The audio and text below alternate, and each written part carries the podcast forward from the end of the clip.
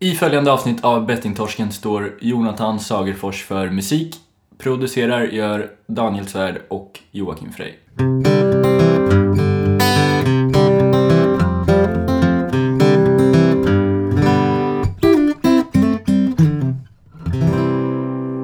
Hej och välkomna till Bettingtorsken. Vi ska börja med två saker. Inte nog med att vi gör... Det här i avsnitt nummer 10. Det är fantastiskt, kul. mm, Eh, Det finns någonting som är faktiskt däremot ännu bättre och eh, det är den glädjande nyheten att vi har en, eh, en ny lag. Yes. Eller vi har, ja, jag gör så här, jag läser till. Gör det. Så blir det starkt. Kör. Från och med den 1 januari 2018 ingår problem med spel om pengar i socialtjänstlagen och hälso och sjukvårdslagen. Därmed får personer med spelproblem samma rätt till hjälp och stöd som personer med alkohol eller drogproblem. Yeah! Otroligt! På tiden, På tiden, kan många tycka. Eller det är ju verkligen det på tiden. ja. Framförallt när man har följt med nu i massa olika sammanhang och har engagerat sig mycket i det här ämnet eh, och förstått hur extremt viktigt det är. Så, så har man sett människor som har väntat i otro, flera decennier, ja. alltså tio, årtionden på att det här verkligen ska vara... Eh, att det ska få den upprättelsen. Mm. Och det har de fått nu, nu då. Underbart. Det har firats med tårta på flera ställen i Sverige. Spelberoendesföreningar och andra ställen. Ja, eh, det har det gjort och... Ja, det är fan det, det är ju, alltså det, för att folk ska förstå detta då som kanske inte lider av... Det finns ju en del som inte lyssnar på detta. eh, På, eller, inte lyssnar på det här, jo det gör de kanske. Men alltså så- som, eh, som lyssnar på podden men kanske inte själv har problem med sp- spelandet om pengar. Mm.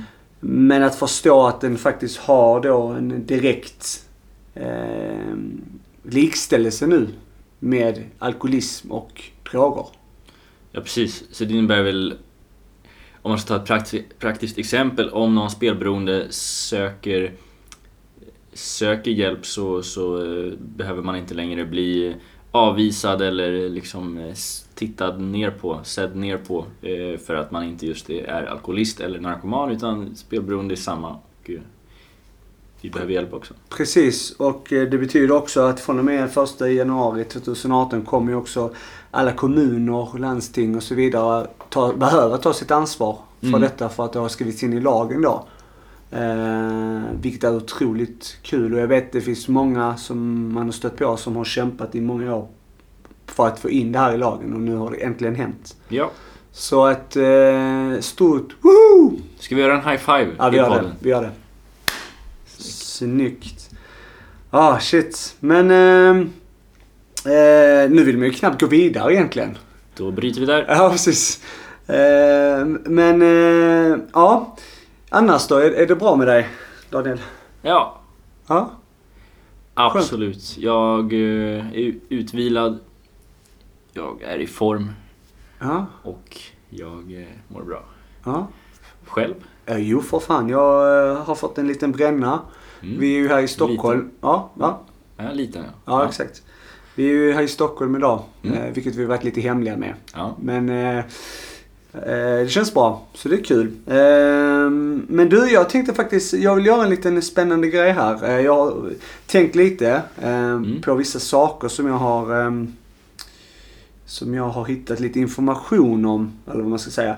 Jag, jag är ju väldigt, inte frälst skulle jag inte påstå, men jag, jag tycker väldigt mycket om Alex och Sigges podcast och det är ju en av de podcasten som jag har, eh, var den första jag faktiskt lyssnade på, det var ju Alex och, och Sigge.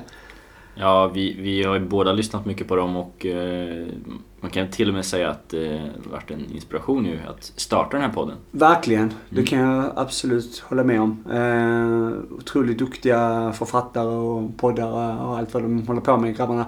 Men däremot så har det ju varit lite skriverier kring deras, eh, eh, vad ska man säga, romantisering egentligen. Mm. Av ehm, deras spelreklam som de har. De har ju eh, spelbolag som, som står, eh, ja, som gör reklam för dem då Mm. i deras podcast. Ehm, och jag har eh, kollat lite på det här Kalle Sundins artikel i Aftonbladet. Som han skrev här för ehm, ett tag sedan tillbaka. Och jag vet att jag lyssnar ju på Alex och Sigge, det gör du med som, som du Mm. sa. Och eh, det dyker ju upp till och från. Men nu kände jag bara att det här måste jag faktiskt lyfta. För att jag tycker det Kalle Sundin skriver i artikeln är väldigt, väldigt rätt. Mm. Uh, där står egentligen att eh, Alex och Sigge skapar spelbegär hos de yngre genom att de romantiserar deras eh, reklamer ehm, i podden. Där några ci- citat som då står i artikeln är att det händer något i mig när jag går in på sidan. Eh, dörren öppnas i mig så att säga. Eh, säger då personerna i, i, podcasten. Och ehm, använder då mycket det här av att unga lyssnare har då ett stort förtroende för Alex och Sigge som, som poddare. Alltså man känner en, en närhet. Mm. Du känner igen dig i det här kanske?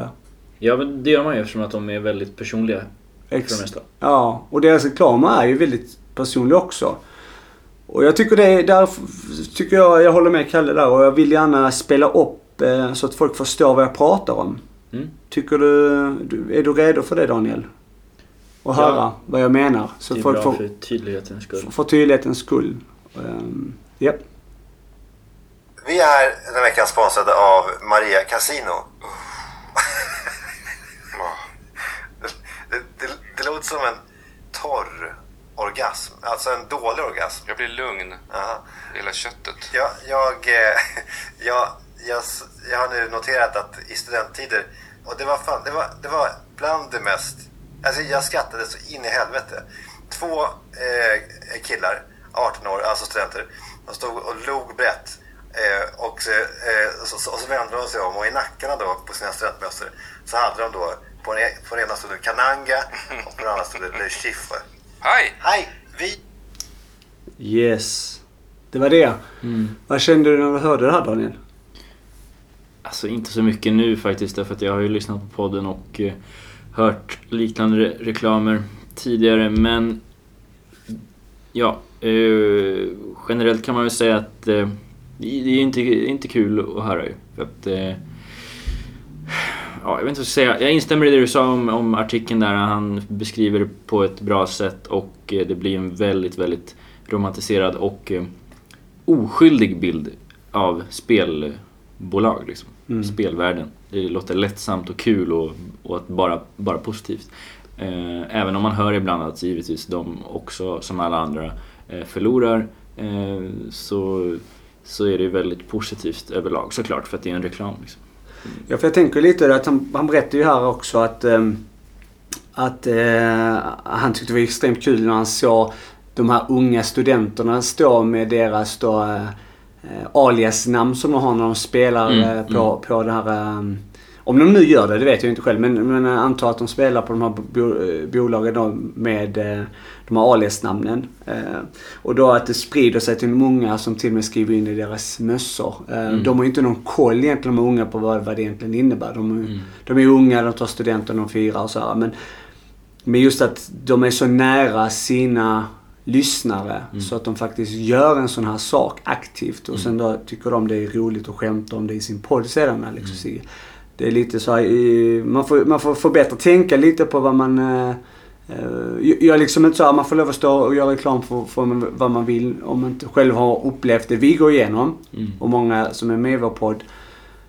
Så kanske man ändå får vara lite mer vaksam på, på, på vad man gör reklam för. För det finns ju jättemånga andra. Eh, eh, in, alltså man kan få intäkter på andra håll än, Mm. Än via spelbolagen. Jag vill säga en grej till om det här och det är att när man pratar om det här, det är ett ganska känsligt ämne, då får man ofta till svar, kanske i Facebook-diskussioner och så, att ja men alla, man ska väl kunna spela bara för att eh, vissa är spelberoende så ska inte det förbjudas och hit och dit och eh, var tydlig med att det handlar inte om, om det, att Nej. spel ska förbjudas. Det är jättefint om eh, vissa kan ha det som ett nöje utan att det blir problem. Det det handlar om är just den här aktiva marknadsföringen och reklamen då. Och speciellt blir det aktuellt nu med den här nya lagen då man kan säga att det är exakt samma sak som att göra reklam för narkotika, alkohol och sådär. ja. Och det är kanske inte så många som hade gjort det. Nej. Ja. Nej, det stämmer. Men vi, vi lämnar det här nu i alla fall. Eh, jag har en annan grej också som jag vill ta innan vi välkomnar in vår gäst som vi Ja. har för, för denna gången. Det är att jag, eh, nu går vi in lite i glädjens eh, tecken tänker jag. Eh, en liten idé här som vi har, har spånat lite på. Ja. Eh, nu är det ju sommar och, och fint väder och, och folk är glada. Mm. Så tänker jag att eh, vi också kan göra någonting roligt av det här. Eh, det finns ju många människor idag som, som har problem med spelandet och, och kämpar. Mm. Det gör de, eh, verkligen. Precis som vi. Och att hålla oss eh, fria och det gör man på olika sätt. Men jag tänker att det skulle vara kul om, eh, i och med att vi finns på sociala medier. Mm. Det vet du om. Hur, Ja. hur hittar de oss? De hittar oss på eh, Bettingtorsken rakt av på Facebook. Bettingtorsken official på Instagram och betting understreck torsken på Twitter. Ja, just det. För, Twitter. Just det, för nu har vi Twitter också. Jajebuxingen. Aj, Jajamän. Eh, det jag tänker att vi ska faktiskt göra från och med nu och ha framöver. Eh, för att vi har ju bestämt att vi ska ha ett litet eh, break här om några veckor. Ja, sommarlov. Sommarlov, ja exakt. Så, så det är ju inte slut utan Nej. det är lite kort sommar, sommarlov. Eh, för att testa oss själv men också att det är andra saker som händer eh, med. Mm. Och, eller som händer också då. Mm. Men det vill komma till i alla fall det är att för att vi ska ha koll och följa med på allas resa och andra kan följa med oss. Så tänker jag att vi kan göra en liten hashtag Ja. på saker vi gör i vardagen. Eh, Allt möjligt. Resa genom missbruket eller eh, vad man gör om dagen. Man kan göra vad som helst. Men att man hashtaggar bettingtorsken. Mm. Alltså de som inte vet vad en hashtag är, den får googla. Men Mm. det är i alla fall en, eh, ja, det är en stjärna på Ja. telefonen. Och eh, så skriver man då bettingtorsken. Om man då lägger in en bild via Facebook eller via Instagram eller vad man nu gör. Mm. Och eh, alltid fin ton mot varandra. Kommentera självklart varandras inlägg med positivt. Alltså i en positiv bemärkelse. Och inte hålla på och skriva massa skit för eh, det vill ju ingen ha. Inget jidder. Inget jidder, brorsan. Ja, Skitbra idé. var det en bra idé? Hashtag. Ja, Skapa diskussion och sprid ordet. Exakt. Uppmuntra varandra. Mm. Så att, eh, det ska vi börja med och det kommer vi fortsätta med hela tiden. Det finns ju ganska många redan nu. Hashtag bettingtorsken men det är ju främst vi, du och jag, som, som finns där. Men, men det gör ju ingenting. Eh, följ med. Ja. Hashtag bettingtorsken. Bra. Skall vi eh, rulla in gästen? Absolut, det tycker jag verkligen. Ja. Ehm, idag har vi en gäst som eh, kanske många känner till sedan tidigare. Hon heter Anki Persson. Mm.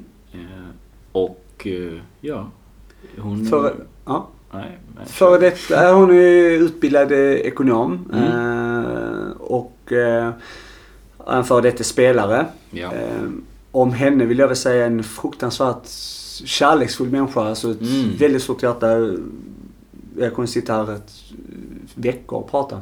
Ja, Eh, verkligen. det är min analys. Klockrent. Eh, ska, vi, ska vi nöja oss med det? Det gör vi. Då kör vi Anki Persson i Bettingtorsken. Hej och välkomna till Bettingtorsken alltså. Idag med Anki Persson. Välkommen till Bettingtorsken. Tack! Varsågod. Och eh, Jocke är med också såklart. Ja, tjena. Hej. Tjena. Hur mår ni allihopa? Alla två? Alltså, Jag mår bra, lite rör i huvudet bara efter att ha tagit mig hit. Ja, Mm. Precis. Ja. Det ska inte vara lätt. vi lurar ut Anki här eh, på en plats som vi inte ens själv vet var vi är nästan. Nej, vi är på ett hotell någonstans. I Sverige. Ja. Ja. Jag tror att eh, du kanske har avslöjat redan på Instagram. Men ja, vi kan lite nej, så. men nu avslöjar du att jag hade postat på min privata. Ja, okej. Men ja, Ja. ja. jag har i och för sig lagt upp den, det stämmer. Vi är i Stockholm då. Ja, Mm. vi glömmer det och rullar vidare.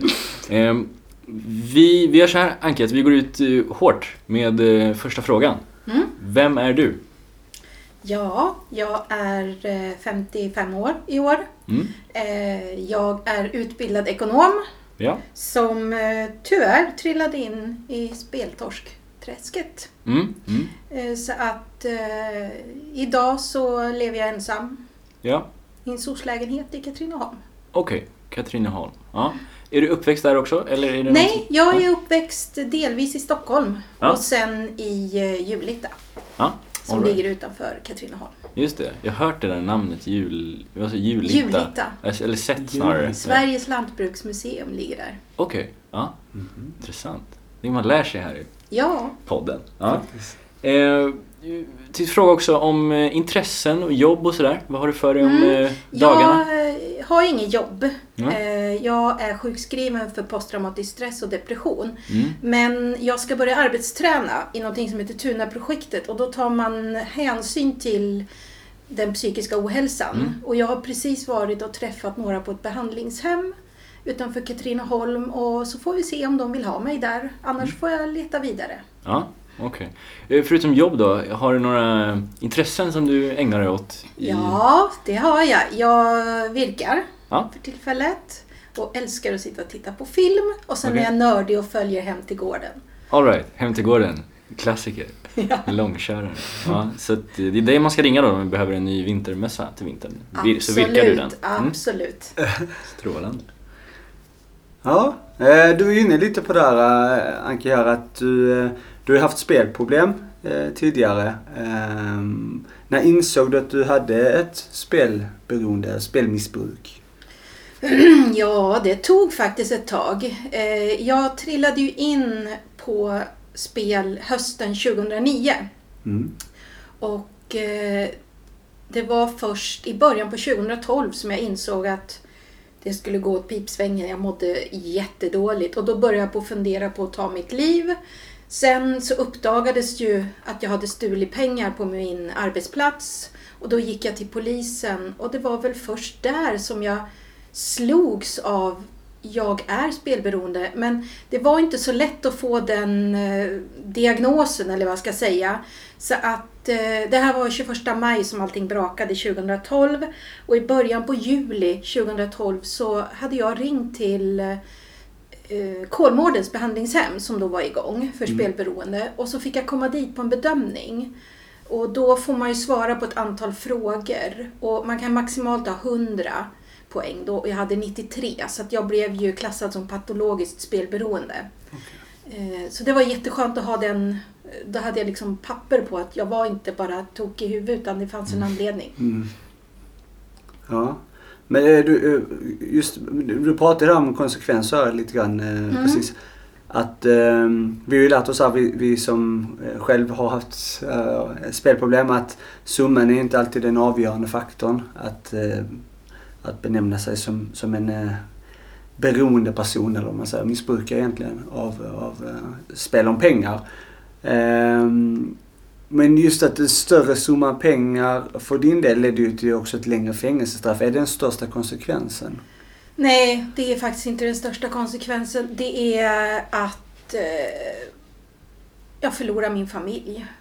Mm. Eh, Mitt liv förändrades ju dramatiskt.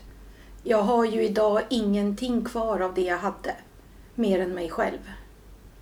Okej. Det hände i samma veva som just, där med just fängelsestraffen eller? Ja, alltså det var ju så att jag... Jag var ju spelfri för min familj tog ju ifrån mig allt. Eh, bankkort och jag hade inte tillgång till internet och så. Men sen när eh, slutförhöret hade varit nästan ett år senare så började det att mala så fick jag kallelsen till rättegången. Då, då bröt jag ihop. Så jag var så rädd eh, för rättegången och stå där. Jag skämdes ju. Något så fruktansvärt för att jag hade begått en sån här handling helt utanför vad man ska göra normalt. Alltså jag har verkligen klivit över mina moraliska gränser. Men då eh, så spelade jag ju upp pengar jag hade fått. Min eh, make köpte ut mig ur huset då så att Kronofogden inte skulle kunna ta det. Då spelade jag upp de pengarna och så fick jag ju panik. Eh, och då tog jag lån i min mans namn och spelade upp de pengarna också. Och sen försökte jag ta mitt liv. Så att jag tillbringade tid på psyket i, fram till rättegången. Okej. Och det var ju liksom det största sveket mot min familj. Mm. Ja, eh, kraftfullt alltså. Eh, hur, idag då, hur känner du, för när var det det här, eh, ditt själva då fängelsestraff säger man, eh, när var det du blev klar med det så att säga? Eh, jag eh, åkte dit 29 oktober 2013 Mm. Och den 27 februari 2015 så fick jag också lämna behandlingshem för jag avtjänade sex månader på ett behandlingshem sista delen av straffet då. Mm. Eh, Så då kom jag ju hem och sen hade jag ju övervakning ett år så det var ju 27 februari 2016 som jag blev fri. Eller hur jag ska uttrycka ja. det. Mm. Eh, Och det var läskigt faktiskt för de har varit helt underbara, frivården och kriminalvården. De har hjälpt jättemycket. Eh, Men eh, då blev jag ju liksom att jag fick stå på egna ben. Mm. Eh, Och det var väl här för några veckor sedan som jag kände att shit, jag får gå fri. Okej. Eh, Alltså det, det tar så hårt på en. Man blir fråntagen ens identitet. Man är ett nummer bara som ska stå i kö för allt. Man får inte ens ta huvudvärkstabletter. Mm. Utan det ger de ändå. Så att det är mycket sånt där som... Det går väldigt fort att bli fängslad. Ja. Eh, det tar flera år att känna sig fri igen. Mm. Jag tänkte höra där. Att hur känns det nu efteråt? Och så känner jag fortfarande straffad för det som har hänt Ja men det, alltså jag är ju inte sådär jättedum i huvudet. Så att det hade jag ju räknat ut att har man en gång straffats så är man alltid straffad i samhällets ögon. Eh, Så det har jag, eh, det har försonats med. Och jag har sjuk humor så jag brukar säga det. Ja men jag har suttit i fängelse. Kan jag säga. Och folk blir lite chockade då. Eh, Men eh, Checkat av polisen. Ja, Alltså, precis. Ja, men check, det har jag gjort. Det har jag gjort. Nej, men eh, alltså. Jag såg så många när jag satt på anstalten. Jag var för övrigt uppe i Sundsvall på Ljustadalen som är ett jättebra ställe. Då så såg jag ju de här som smet in lite skrajsna, passade på att ta sin månad för rattonykterhet eller olovlig körning. Eh, Sen ut och sen fortsatte att dricka direkt efteråt. Eh, De hade ju inte insikt och jag satt ju där och hade ju full insikt. Eh, Det kändes sådär faktiskt. Jag vågade säga vad jag satt för, vad jag hade gjort och var jag ville vara någonstans istället. Men de förnekade det. Och eh, jag kom på sommaren för att hinna sola sig och sen kunna säga att de hade varit utomlands. Eller på julen då, över vintern då, att de hade varit i Finland eller någonting Mm. hos släktingar. Okej. Eh, Så att det är tragiskt. Mm. Ja.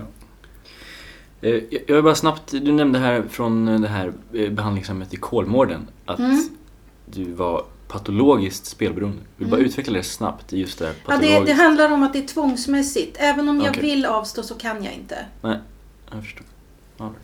Eh, när du spelade då, vilken var din eh, vanligaste spelform? Det finns ju många olika, som sportspel, Mm. kasino och så vidare. Eh, Ja, det var ju enbart kasino på nätet. Mm. Och jag ska inte nämna vilka det var, Nej, men det är eh, eh, folk har sett dem på reklam. Mm, mm.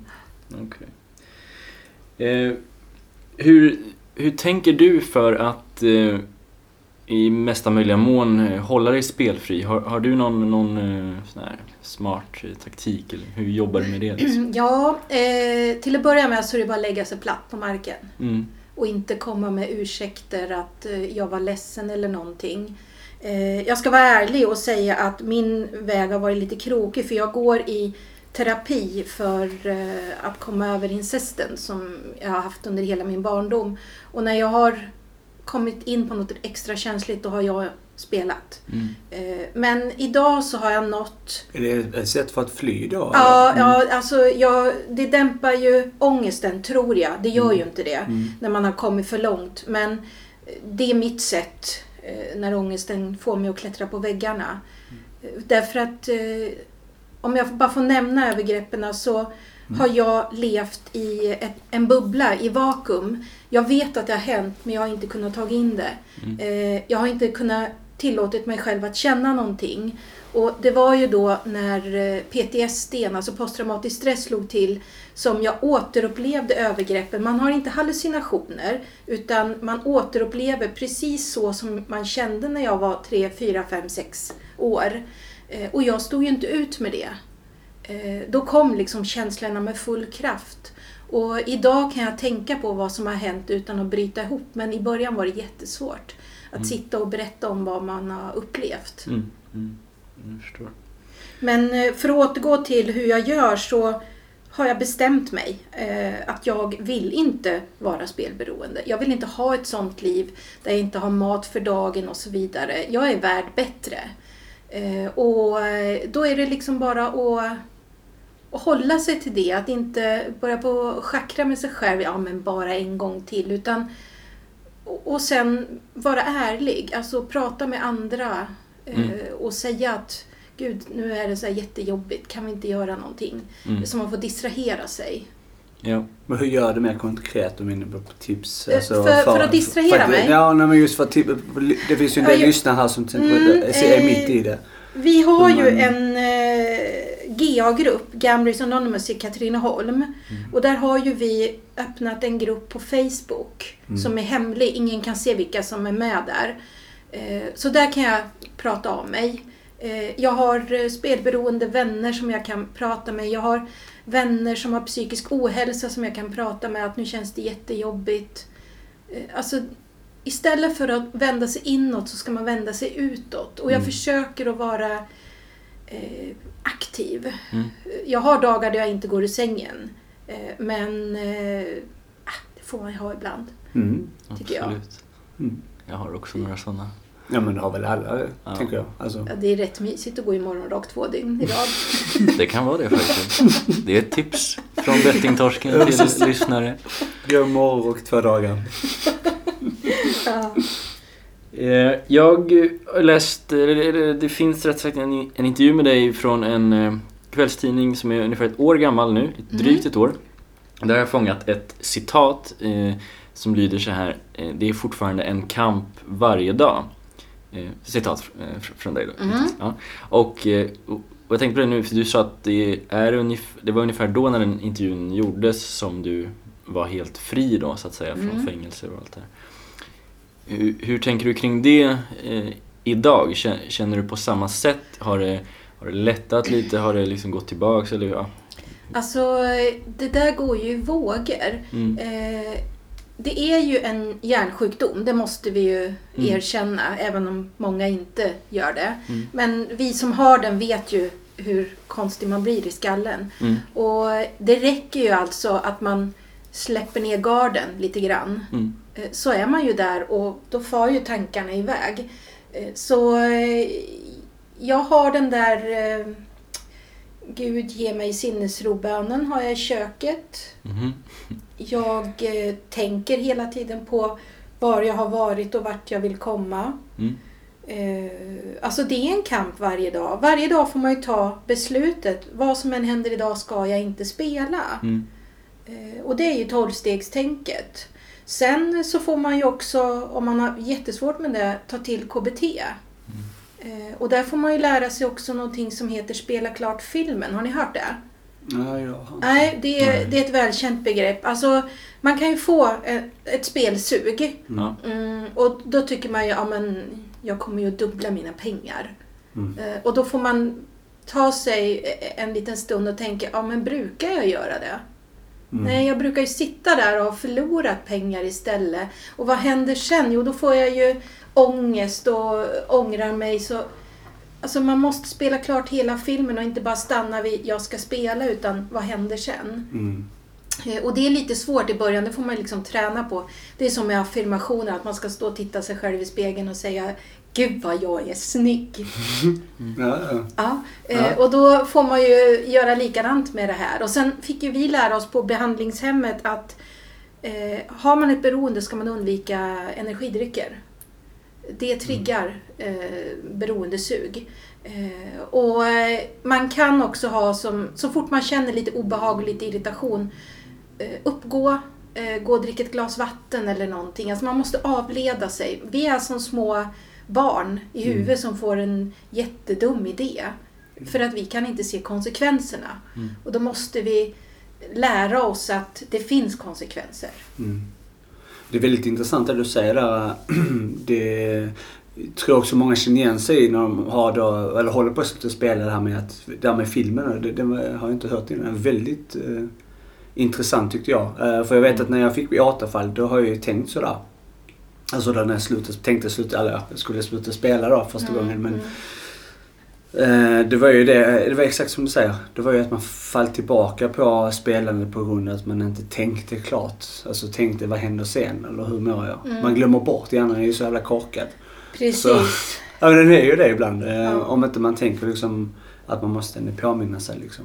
Jag fick ju hjälp av frivården. Mm. Eh, Och då fick jag gå på motiverande samtal.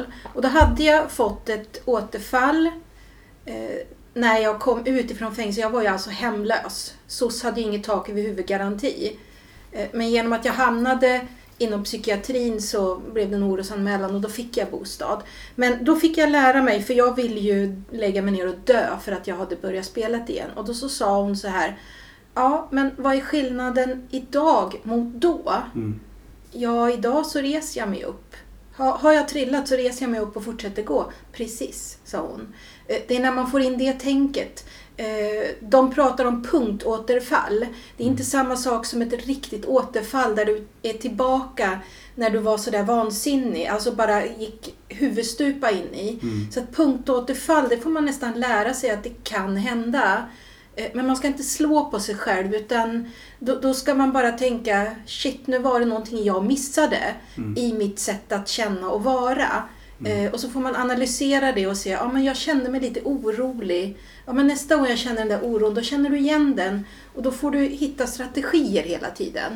Ja, för när jag gjorde mitt överfall då spelade jag mer efter, än vad jag gjorde innan egentligen. Mm. Alltså väldigt konstigt det då. Ehm, Ja, det, det är ju så att där du slutar, eh, beroende funkar ju så att du går tillbaka till slutögonblicket. mm, Eh, Det fick jag lära mig att det är därför många dör av eh, alkoholförgiftning och eh, överdoser. Därför att de, okej. har de druckit en stor mängd alkohol så gör de det igen och då är inte kroppen tillvand Mm, som den var innan. Eh, Så att eh, man måste vara jätterädd om sig alltså. Intressant. Jag gick faktiskt, jag går ju på en KBT-behandling just nu och eh, vi pratade om det här punktåterfall kontra eh, vanligt återfall, Mm, återfall mm. eller man ska säga, sist. Eh, Det var väldigt intressant och lite så här hoppingivande tyckte jag. För att då kan man, även om det inte är något såklart man strävar efter så är det ändå att om Nej. det skulle ske så Mm. behöver jag inte gräva ner mig för det helt, hela vägen utan kan... Det viktiga är att inte ge Så, upp alltså. Precis. Det viktiga är målet. Mm, mm, ja. Eh, Jag ska dra ett snabbt citat till från Mm, den här artikeln som eh, fångade min uppmärksamhet. Är tagen av det. Och då, då har de citerat det här och, och, och det står att spelet är den största kärleken jag har träffat i livet. Eh, Eller i mitt liv. Jag tänkte bara att du skulle få Ja, resonera lite eh, det fritt kan ju låta lite konstigt eftersom jag älskar min exman över allt annat. Men vad det handlar om det är ju att jag blev så absorberad. Eh, Det står ju till och med om man läser att man tappar sina moderskänslor. Ja. Eh, Och det är riktigt, riktigt illa alltså. Mm. Jag, jag kan ärligt säga att jag hade kanske kunnat sålt mina barn för att få spelpengar. Alltså så starkt är ju suget. Ja. Eh, Och det är gräsligt. Mm. Ja, det är verkligen det. Ja, jag förstår exakt. Alltså när jag läste det där så det var därför jag ville ta upp den. För jag kunde Ja. relatera väldigt mycket till det och jag förstår verkligen vad du menar. Att eh, kanske inte är kärlek som många tänker sig kärlek men det är en, kanske en besatthet snarare Mm, som mm. slår ut allt annat. Precis. Ja. Um, jag har en fråga här jag tänkte höra med dig. Eh, v- Vad är eh, enligt din egen erfarenhet och mening, var, varför spelar man? Ja, alltså jag... När allting brakade, då det första jag sa, vem fasen, ursäkta att jag svär, har flyttat in i mitt huvud? Eh, hur gick det här till? Eh, och då har jag börjat på och läst och alltså i grund och botten för 99 procent så är det en flykt. En flykt ifrån känslor som vi inte kan hantera. Eh, och jag, min egen teori är att vi är lite för självständiga. Eh, vi har svårt att berätta för någon annan att någonting är jobbigt. Eh, vi ska klara det själv. Eh, och då hamnar vi i den här situationen. Jag menar, sitter du och så är det reklam att nu är det jättevinst. Och så sitter man i ett taskigt läge, man är väldigt låg, kanske lite på gränsen till deprimerad. Så tänker man, ja men någon ska ju vinna. Mm. Och då är det så lätt att man trillar dit. Och så kanske man spelar upp pengar som man inte hade råd att spela upp. Och då är det så lätt att återvända. Eh, att börja jaga förlusterna. Det är det som är så speciellt med spelberoende. Att vi jagar inte bara vinsterna utan vi jagar förlusterna också. Mm. Så vi går ju igång på vilket som. Ja. Eh, och jag, jag tillhör ju inte de som trillade in på spelberoende för att jag trodde jag skulle vinna pengar. Utan för mig var det ju tomt i huvudet. Alltså inga känslor alls. Jag hamnade i trans. Eh, Och det var ju jätteskönt efter att ha levt med övergrepp och, och sådana saker. Alltså, och stress var det ju mycket på jobbet. Jag kände ju att eh, ja, min självkänsla är urusel. Självförtroende har jag så det räcker till att bli över men ingen självkänsla. Så att det, det blev för mig en ren flykt. Och sen fortsatte jag att fly. För jag såg ingen utväg. Mm. Ja, för jag vet inte om, om, eh, om det är rätt då, men jag vet att jag, eller inte, vet inte 100% men är det så att du, du har sagt i någon intervju tidigare också att du var en helt vanlig människa som spelade egentligen ingenting? Eh, Nej. Väldigt, väldigt lite och ehm, la passi, eller så här, vad heter Ja, patiens och sådana Ja, saker. ja. Precis. Eh, Eh. Men att det bara från ingenstans Mm. bara kom. Det är det som är det otäcka. Jag har ju varit lite kaxig och kastat ut frågan. Eh, Och vore jag yngre så skulle jag bli hjärnforskare faktiskt. För jag har ju spelat, precis som alla andra, alltså lite eh, trav någon gång. Eh, Lotto när det har varit en stor vinst. Man har sagt, nej men ska vi inte köpa en till helgen? Jo men det gör vi. Eh, jag tittar inte ens på resultatet. Alltså jag kollade i efterhand på text-tv eller någonting. Mm. Det, det var inte intressant.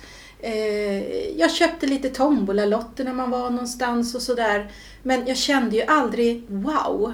Utan jag var ju fullt medveten om att den där tian jag lägger den är bortkastad. Eh, Men det är en stunds eh, spänning eller vad jag ska säga. Mm. Men det, det jag inte kan greppa det är varför just vid det tillfället. Och jag har ju min egen teori. Alltså om man är, vi har ju låg dopamin. Eh, och jag tror att många av oss går runt med låg dopamin eh, ofta. Eh, och just då så var jag extra låg. Alltså jag har ju haft depressioner i hela mitt liv utan att ens veta om det. Eh, just då var jag extra låg och då fick jag väl den där dopaminduschen och då bara pang! För jag var ju fast på några veckor. Alltså det här var ingen långsam tillvänjning. Hur, hur gammal var du då? När det Eh, 47. brakade? Du var 47 år. Ja. Så då spelade du lagom eller vad man kallar det? Ja, i fram till dess. Det var lite Bingolotto någon lördag eller... Mm. Och, och då var man ju jätteglad om man hade lyckats en gång i, om året vinna en extra lott. Alltså, det var ju inte mer än så. Nej. Så jag, det, jag vart godsmacked alltså. Jag förstod inte själv var det kom ifrån. Så jag tror det var därför jag aldrig ens märkte det. Eh, Jag, jag gömde det bara. Alltså jag kunde inte ta in vad jag höll på med. Mm. Ja. Fascinerande att höra på. Jo, för det man, det- man tänker lite är så här att man ju, nu har vi mött en del eh, olika gäster och, och olika, alltså då framförallt de som är psykologer eller forskare. Mm.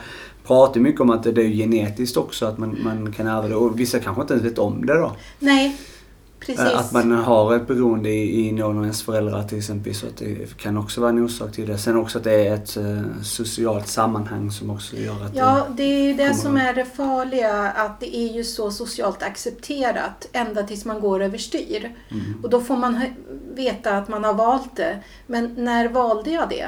Alltså, jag ifrågasätter väldigt mycket och får ta mycket skit för det också. Eh, Men någon måste våga ställa frågan, vad händer i huvudet när ett beroende slår till? Vad beror det på? Mm. För jag kan ärligt säga att jag valde inte det här. Eh, Jag väljer att sluta. Mm. Eh, Men jag valde inte att få den här hjärnsjukdomen. Jag har, jag har setat i flera dagar alltså tjafsat med folk om just det här valet. Ja, det är just det sådär nu har du ju, det är ju en liten upprättelse för många av dem som har lidit, li, li, lidit, heter det, lidit av just eh, spelmissbruk och, och ansett det som en sjukdom när det då har likställts med eh, både alkoholism och, och drogmissbruk. Mm. Eh, då socialtjänstlagen och hälso och sjukvårdslagen har skrivit in det då som ett, en sjukdom som kommer att gälla. Vad tycker du om det? Ja, jag blev ju jätteglad. Alltså, vi har ju en lång väg kvar att vandra. Eh, vad som skulle behöva ut nu när det har blivit så här, det är information om beroendesjukdomen. Därför att jag tror att jättemånga lever kvar i det här med att det är dålig karaktär. Mm. Eh, och det måste bort alltså. Vi ska inte skuldbelägga människor bara för att man har fastnat i någonting på grund av att någonting är fel i skallen.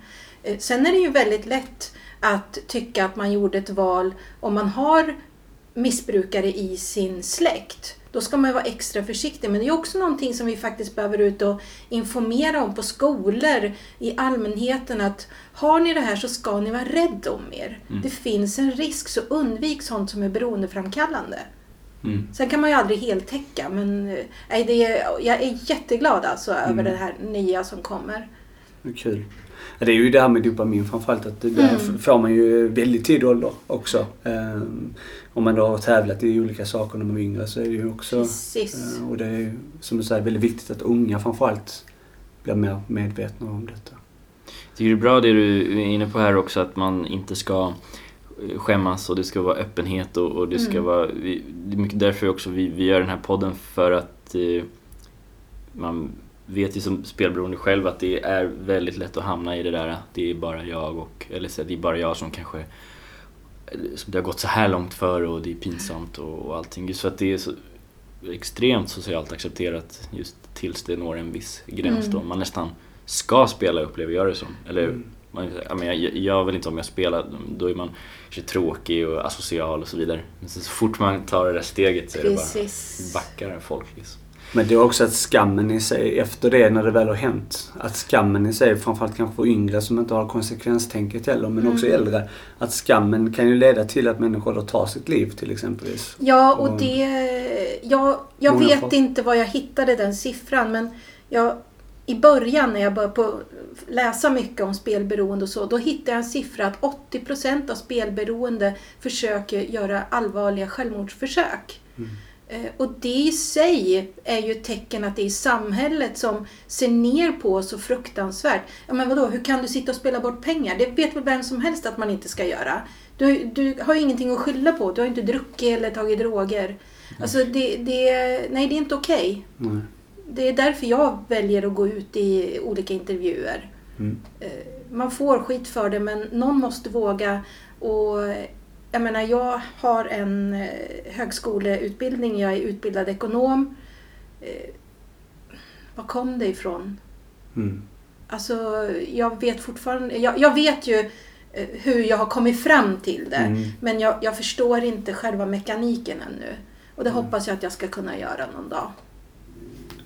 Det ser man ofta på Facebook kommentarer sådär att eh, ja, det, här, det här valde du och hur kunde du vara så dum och... Mm. Tänka jag brukar lite nämna så. som hon som inte har alla hästar hemma. Ja, Ja men det är väl ingen som sitter i vår situation som har det. Nej, tack och lov brukar jag svara. Men jag har förstånd om att inte, för, om att inte döma folk i alla fall. Nej, exakt. Men ofta är det som, som vi har haft någon gäst här också som har sagt att, att man anser sig själv väldigt smart. Och många är faktiskt väldigt smarta, tycker jag, som jag har träffat, som faktiskt har eh, det här problemet, eh, just spel om pengar. Mm. Eh, Och satt sig i den situationen. Det är väldigt smarta människor. Ja, men det har ju inte att göra med intelligenskvot. Nej. Inte för fem öre. Det har att göra med vad, hur vi mår vid ett visst tillfälle. Och vad det är som händer i huvudet just när det slår till Mm. eh, och byter bana. ja. Eh, nästa fråga här, det kanske är lite svår att sätta ett svar på sådär, men om du ska försöka, vad skulle du säga är den största uppsidan i livet med att vara eh, spelfri? Eller att vara, ja, eh, att ha kanske kommit en en bra bit på vägen i alla fall. Mm. Får jag göra om den där lite grann? Mm. Eh, jag skulle vilja säga så här att genom att jag blev spelberoende så har jag fått upp ögonen för en massa andra människor som jag inte visste fanns. Eh, jag har blivit mer ödmjuk, jag dömer ingen. Jag har lärt mig otroligt mycket på vägen om andra och om mig själv. Eh, och den kunskapen vill jag njuta av. Och det gör jag ju bäst när jag är spelfri. Ja. Otroligt bra svar. Det var väldigt bra svar. Eh, Då går vi vidare helt enkelt. Jag, jag blev Det blev Daniel. Ja, jag fick min fråga omgjord och eh, jag har ingenting att svara på. Ja. Nej, det är bra. Eh, hur ser din vardag ut idag Anki? Och eh, det undrar jag och sen så undrar jag också om du har några spännande spexiga planer framöver. Som du kanske vill dela. Ja, hur ser mitt liv ut idag? Ja, jag får ju då försörjningsstöd, sitter i en etta. Eh, Jag eh, är väldigt ensam. Mm. Men jag försöker att träffa mina barnbarn så mycket som jag bara kan. Eh, Jag älskar dem något så vansinnigt. Alltså, jag trodde inte man kunde bli så kär Mm. som jag har blivit. Jag har vänner som jag kan kontakta när jag vill och träffa. Ja, jag försöker, men sen har jag perioder då jag är väldigt nere. Men jag har ju också världens bästa hjälp på psyk i Katrineholm. De måste få en eloge, för psyk får så mycket skit. Mm. Eh, Men det är ju så många som går- kommer dit och säger jag mår inte bra. Jaha, säger de då. Och sen kan man inte utveckla det mer. Men jag kunde ju tala om att jag mår inte bra därför att. Mm. Eh, Och då kan ju de hjälpa mig. Och sen är det upp till mig att ta emot den hjälpen. De gör ju inte jobbet, det är ju jag som får göra jobbet. Mm. Och ändra mitt sätt att tänka. Att gå från, eh, är det ett halvfullt eller halvtomt glas? Mm. Eh, självklart så är det halvfullt. Mm. Eh, jag försöker att se positivt på allt. Eh, några planer? Ja, alltså jag vill ju jag vill ju aktivt kunna jobba med spelberoende i framtiden. Eh, hur vet jag inte riktigt än. Det är jättesvårt att få uppdrag och, och föreläsa men jag har kontakt i Katrineholms kommun och eh, där ska vi väl se om vi inte kan göra någonting för att upplysa folk om det här. Eh, jag skulle inte vilja ut och prata med skolungdomar för det tycker jag nog att sådana som ni är bättre att göra än en gammal tant. Men däremot så vill jag gärna prata med landsting och eh, kommuner. Mm. Eh, För att tala om, för jag har fått gått den långa vägen. Jag har fått be om hjälp och nästan tala om vilken sorts hjälp jag behöver eh, för att det här ska gå. Och det, det, det stora problemet är ju att har du ett beroende och är psykiskt, alltså har psykisk ohälsa, depression eller någonting, då behandlar de inte dig förrän du är av med beroendet. Mm. Men man behöver göra båda två samtidigt, parallellt. Självklart. Eh, för att många gånger så är det den psykiska ohälsan som leder till att man är beroende. Ja. Så det, det måste gå parallellt och lite sånt skulle jag vilja att man förstod och kanske Alltså drömmen är ju om man kan ringa och säga jag är beroende.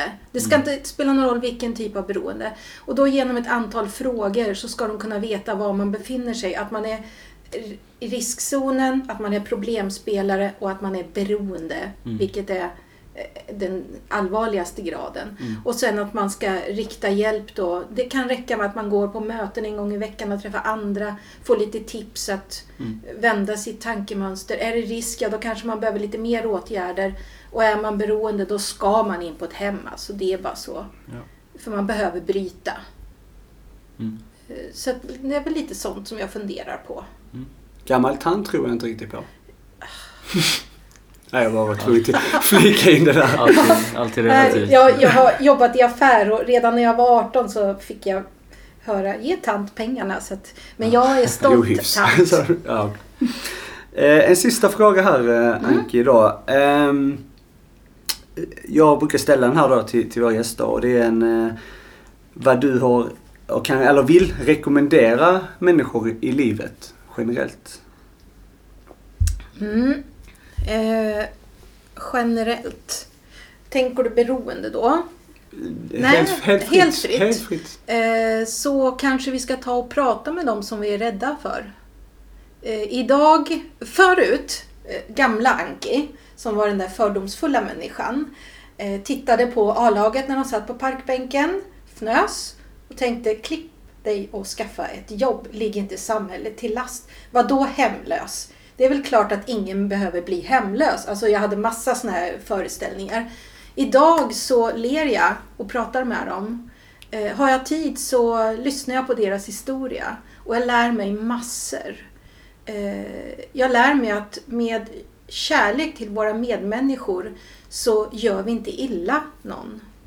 Eh, det, är, det är jätteviktigt för mig alltså, att eh, vi ska inte döma. Eh, hade någon frågat mig innan 2009 om jag skulle bli beroende, sitta i fängelse och så vidare så hade jag sagt Är du dum i huvudet? Det är klart att jag inte... Så gör man ju bara inte. Nej. Och sen några år senare så, ja, så satt jag i fängelse. Mm. Men det är positivt faktiskt. Det skulle fler behöva kan jag säga. Sitta i fängelse menar du? Jajamän. Ja, ja. Man lär sig massor om hur människor fungerar. Men eh, jag tar i alla fall det här eh, kärlek till medmänniskorna. Ja, med, med, det- oavsett vem döm de är. ingen. Döm ingen. Fråga om du inte förstår. Mm. Det var fint. Verkligen. Ska vi... eh, Ja, ska vi tacka för det här? Det är dags, tyvärr faktiskt. Ja, jag kommer sitta här i timmar, alltså. Ja. Ja. Vi borde äta mer gifflar också. Ja. En giffel har vi blivit av med. Tack så jättemycket Anki för att du Ja, ville ställa tack upp på För en att jag intervju. fick komma. Tusen tack. Självklart. Mm. Grymt. Ha det bra allihopa.